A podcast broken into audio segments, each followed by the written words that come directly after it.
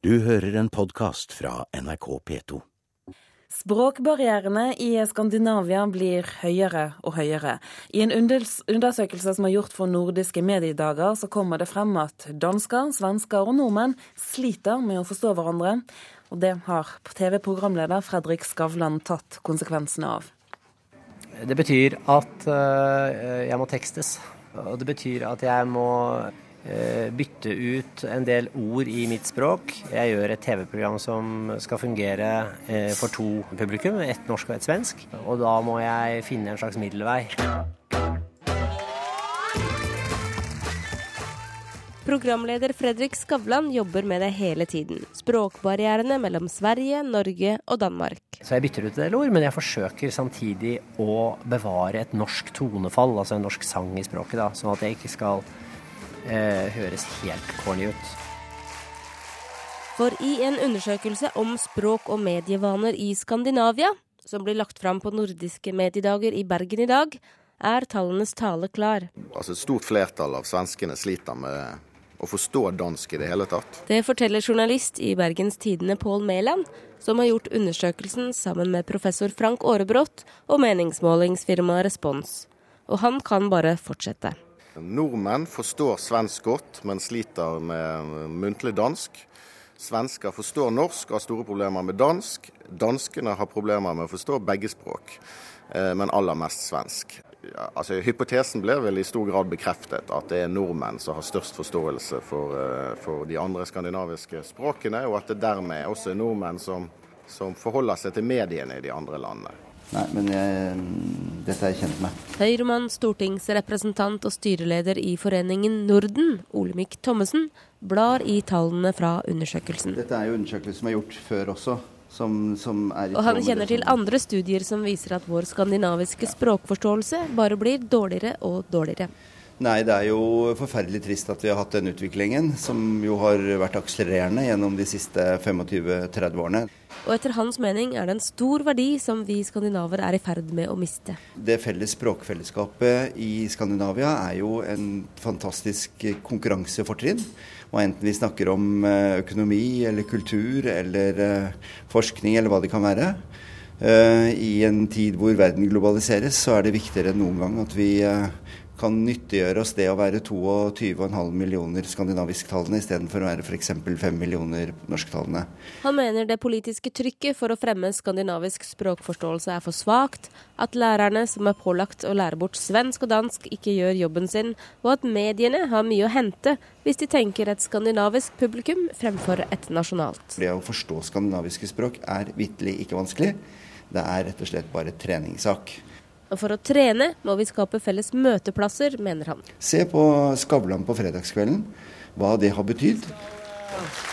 Ja, Thomas og, og hans legendariske pappa Det har kosta meg litt å, å, å, hore meg til på den måten her, men det, det har jeg følt at jeg, jeg, måtte for å få det til å fungere. Altså For at rett og slett den jeg intervjuer skal forstå hva jeg sier, så har jeg vært nødt til å, å bytte ut en del ord. Det sa Fredrik Skavlan. Du hørte også Olmyk Thommessen. Reporter det var Helena Rønning. Professor i nordisk språkvitenskap ved Universitetet i Oslo, Arne Torp. Hvorfor tror du vi ser denne utviklingen?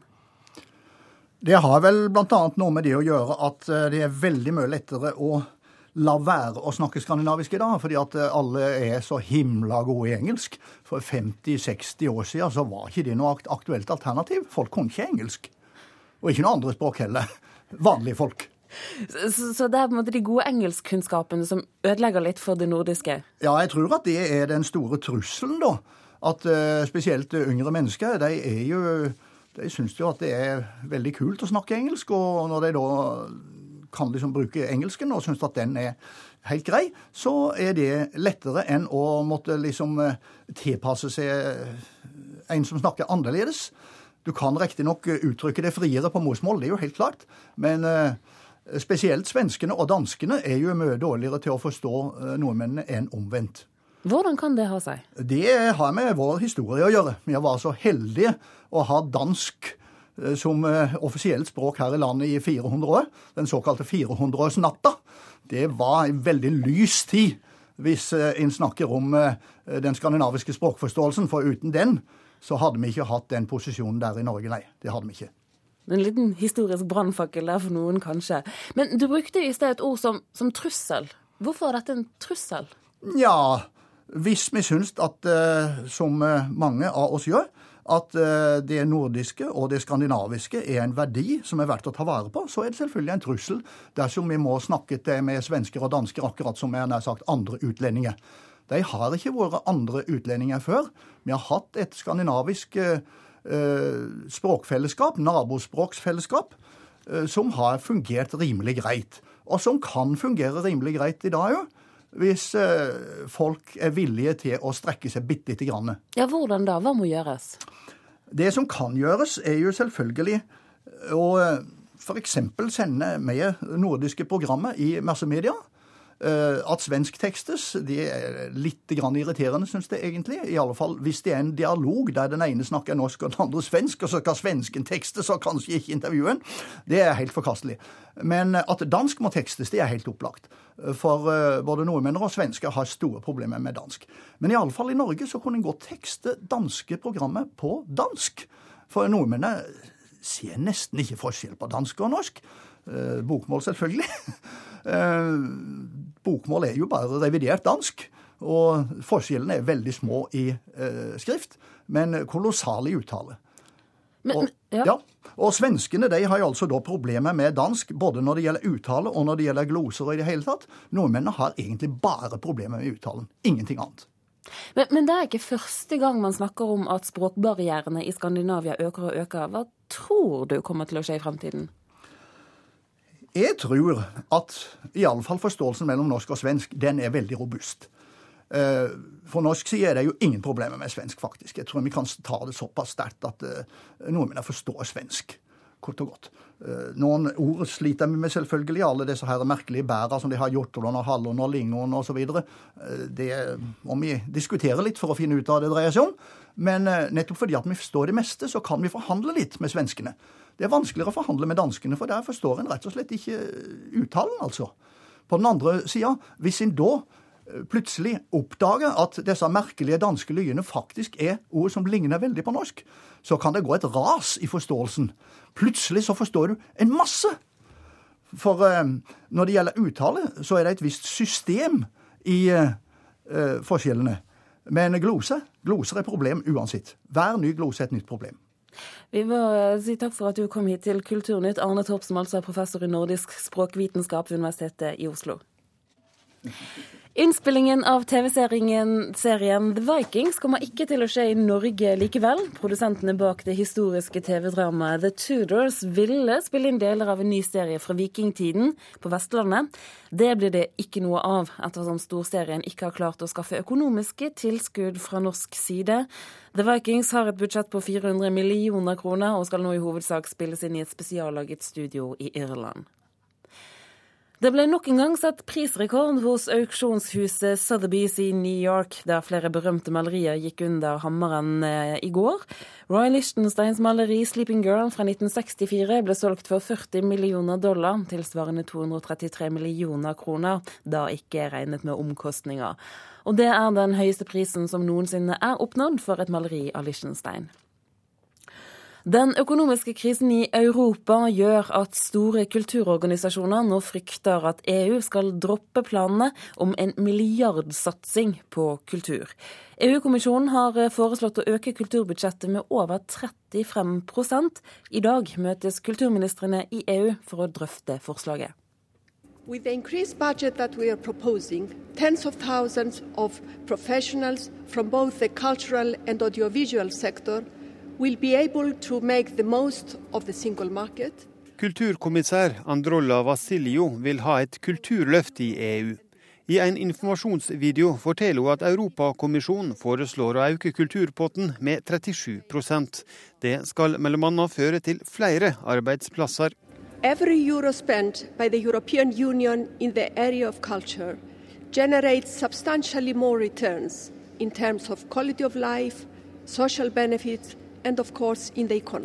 men den økonomiske krisa har ført til at mange EU-land har kutta i den nasjonale kulturstøtta. Interesseorganisasjonen Culture Action Europe har derfor satt i gang en kampanje som skal få politikerne til å gå inn for forslaget fra kommisjonen. De er derfor spente på hva som skjer når kulturministrene møtes i Brussel i dag og i morgen. Det forteller kampanjekoordinator Emma Ernst. Vi hoppas ju att eh, när de möts nu under det danska ordförandeskapet vågar vara modiga och stå, stå bakom det här förslaget som, som ligger på bordet. Målet är ju för mötet i sig att de ska nå ett eh, gemensamt beslut kring innehållet nu först och främst. Ju större enighet de kan visa desto lättare hoppas vi att det kan bli med förhandlingarna som följer efteråt och när vi går in i mer detaljerte budsjettforhandlinger under høsten. Film er et viktig satsingsområde i EU sin kulturpolitikk. Dersom politikerne går inn for det, kommer over 1000 europeiske filmer fram mot 2020 til å få mer penger til produksjon og distribusjon. I tillegg kommer det til å bli mer europeisk film på kino. Ja, nå leker ikke jeg vanligvis med jenter, da, så Gjør du ikke? Nei. Knerten gifter seg er en av de norske filmene som har fått støtte fra EU i år.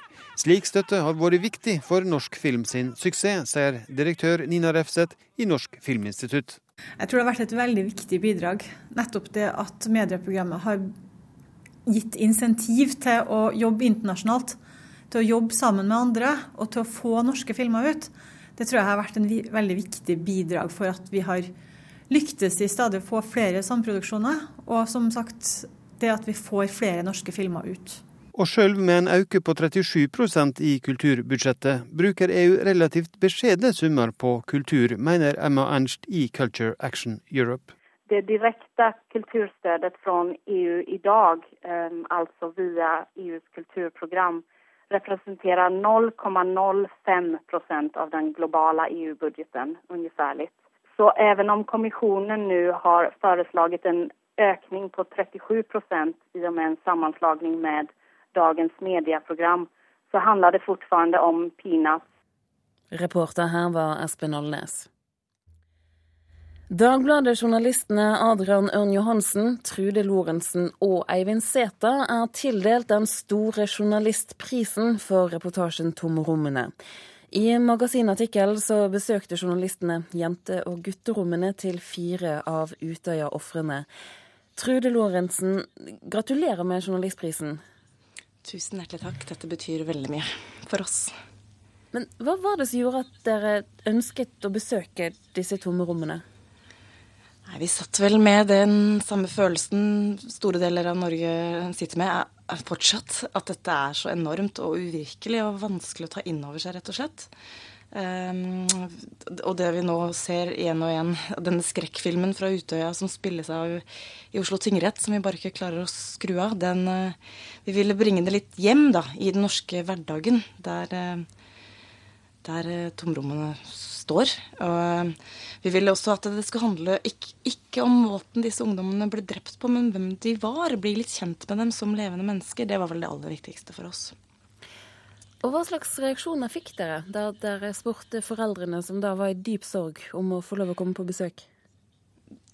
Det var en veldig vanskelig prosess. Det er, eh, som sikkert mange andre journalister som henvender seg, det er jo mange henvendelser i denne perioden, men eh, det er jo mennesker i en ufattelig dyp krise. Eh, fortvilet, eh, som fortvilelsen får mange ulike uløp, utløp.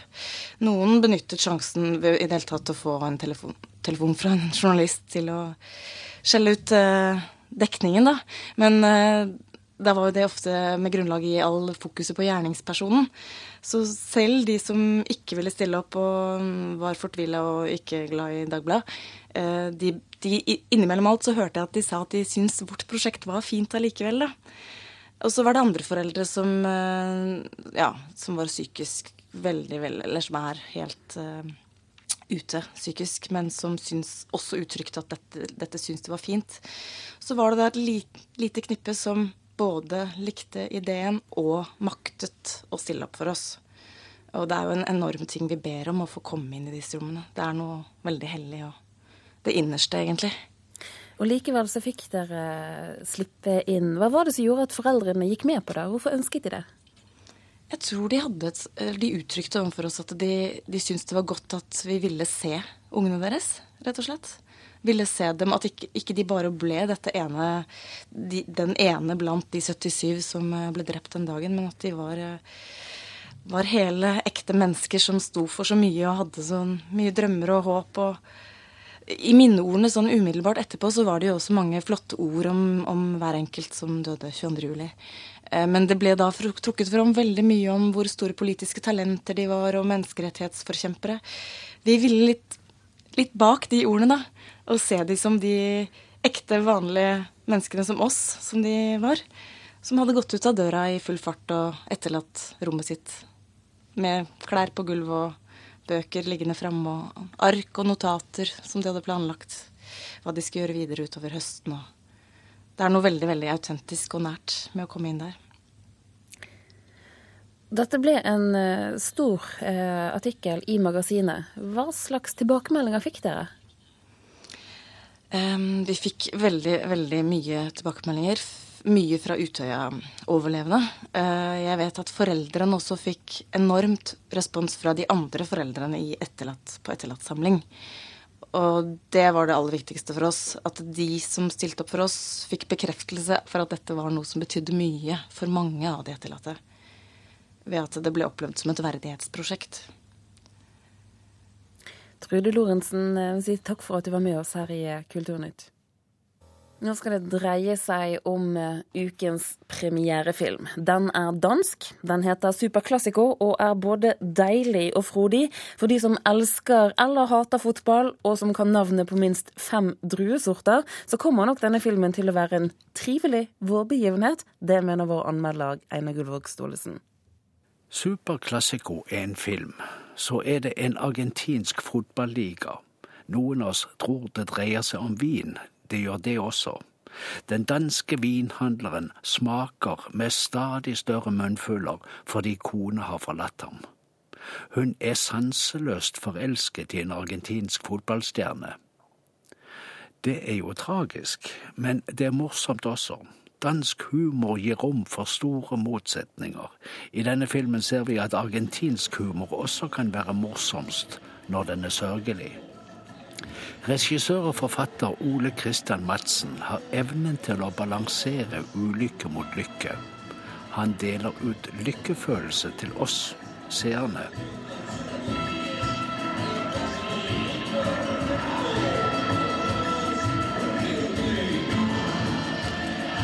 Hovedpersonen heter Christian, altså Christian som forfatteren og regissøren. Jeg tror navnet er det eneste i filmen som minner om selvironi.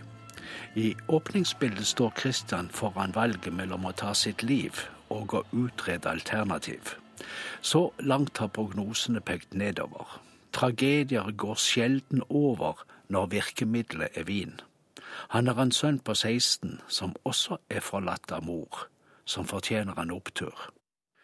Far og sønn gjør det mest spektakulære. De reiser etter til Argentina, til landet hvor selv kakerlakkene danser tango. Vi ser det i filmen. Fernanda danser også. Hun er husholderske hos fotballhelten Juan Diaz og hans nye danske kjæreste, fotballagenten, mor. Fernanda, husholdersken, har levd noen år, men har unge talent. Christian får øye på dem. Det kan ikke unngås. Han kjenner på rytmen hennes også. Anders Bertelsen spiller rollen. Han er god.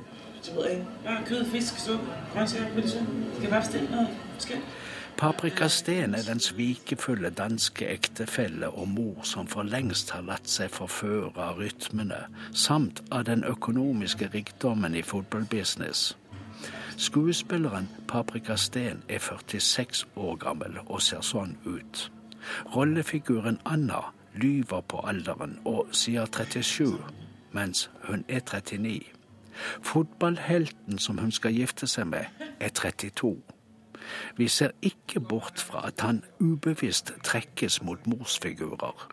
Filmens lek med aldersforskjeller og forstørrede selvbilder er blant de morsomste elementene i filmen. Hvis man kan navnet på fem druesorter og hater eller elsker fotball, kan denne filmen være til særlig glede. I'm a Catholic. I'm a Catholic. What could my mother say or my priest? Infidelity, cheating, no, no, no. Screwing, screwing, no, no, no. It's love. Ja, fra filmen Superklassiker var dette. Humorist, forfatter og journalist Arthur Arntzen fyller 75 år i dag. Selv så sier han at humor er livsviktig. Han har skrevet 22 bøker og en rekke manuskripter, men huskes nok best for rollen som Oluf. Og han husker godt hvordan denne figuren ble skapt. Jeg kunne legge papiret foran meg, blanke ark. Morgenen kunne komme, arket var like blankt. Men så skjer det et eller annet som ikke jeg har, har noen forklaring på. Det er liksom at en stemme som gjør at jeg skriver, jeg har nok med å skrive jo på ett av fire ark, to av fire ark, før jeg nærmest kommer til meg sjøl igjen. Det var en kar som hadde vært uheldig. Han hadde, han hadde revet seg en annen kar. Og fått han sydd på igjen, og han hadde virka som han skulle. Så det var kanskje det man skulle forsøke.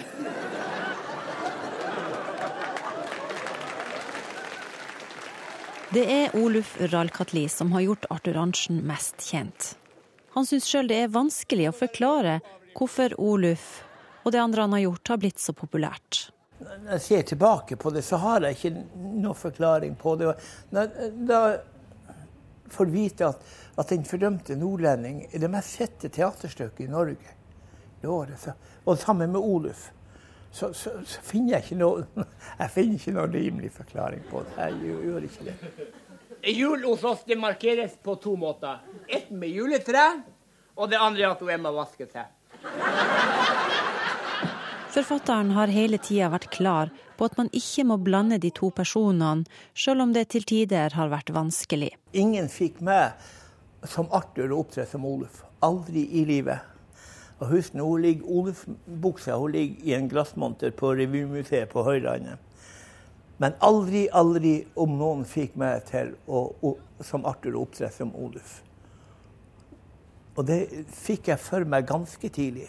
Arthur lager jo manuskript til Oluf, enten det er sketsj eller noe teaterstykke. Men når Oluf kommer i gang på scenen, så foretar han improvisasjoner som eh, Arthur etterpå må tenke. Arthur, har du vært innom disse tankene under forberedelsen, ikke sant? Men ofte blir jeg svarløs. Jeg har ikke det. Så gamlingen tar altså styringen. Eller sulliken. Så, så, så, det der er kjempevanskelig å, å helt forstå. Nei, da har vi vasket oss på gammelmåten. I en trebalje. Det vil si jo Emma vasker seg i to. Og står med én fot i hver balje. Reporter her var Turi Enoksen. Kulturnytt eh, i P2 i dag det var laget av produsent Halvor Haugen, Hanne Lunås og Turi Grønbekk. Du har hørt en podkast fra NRK P2.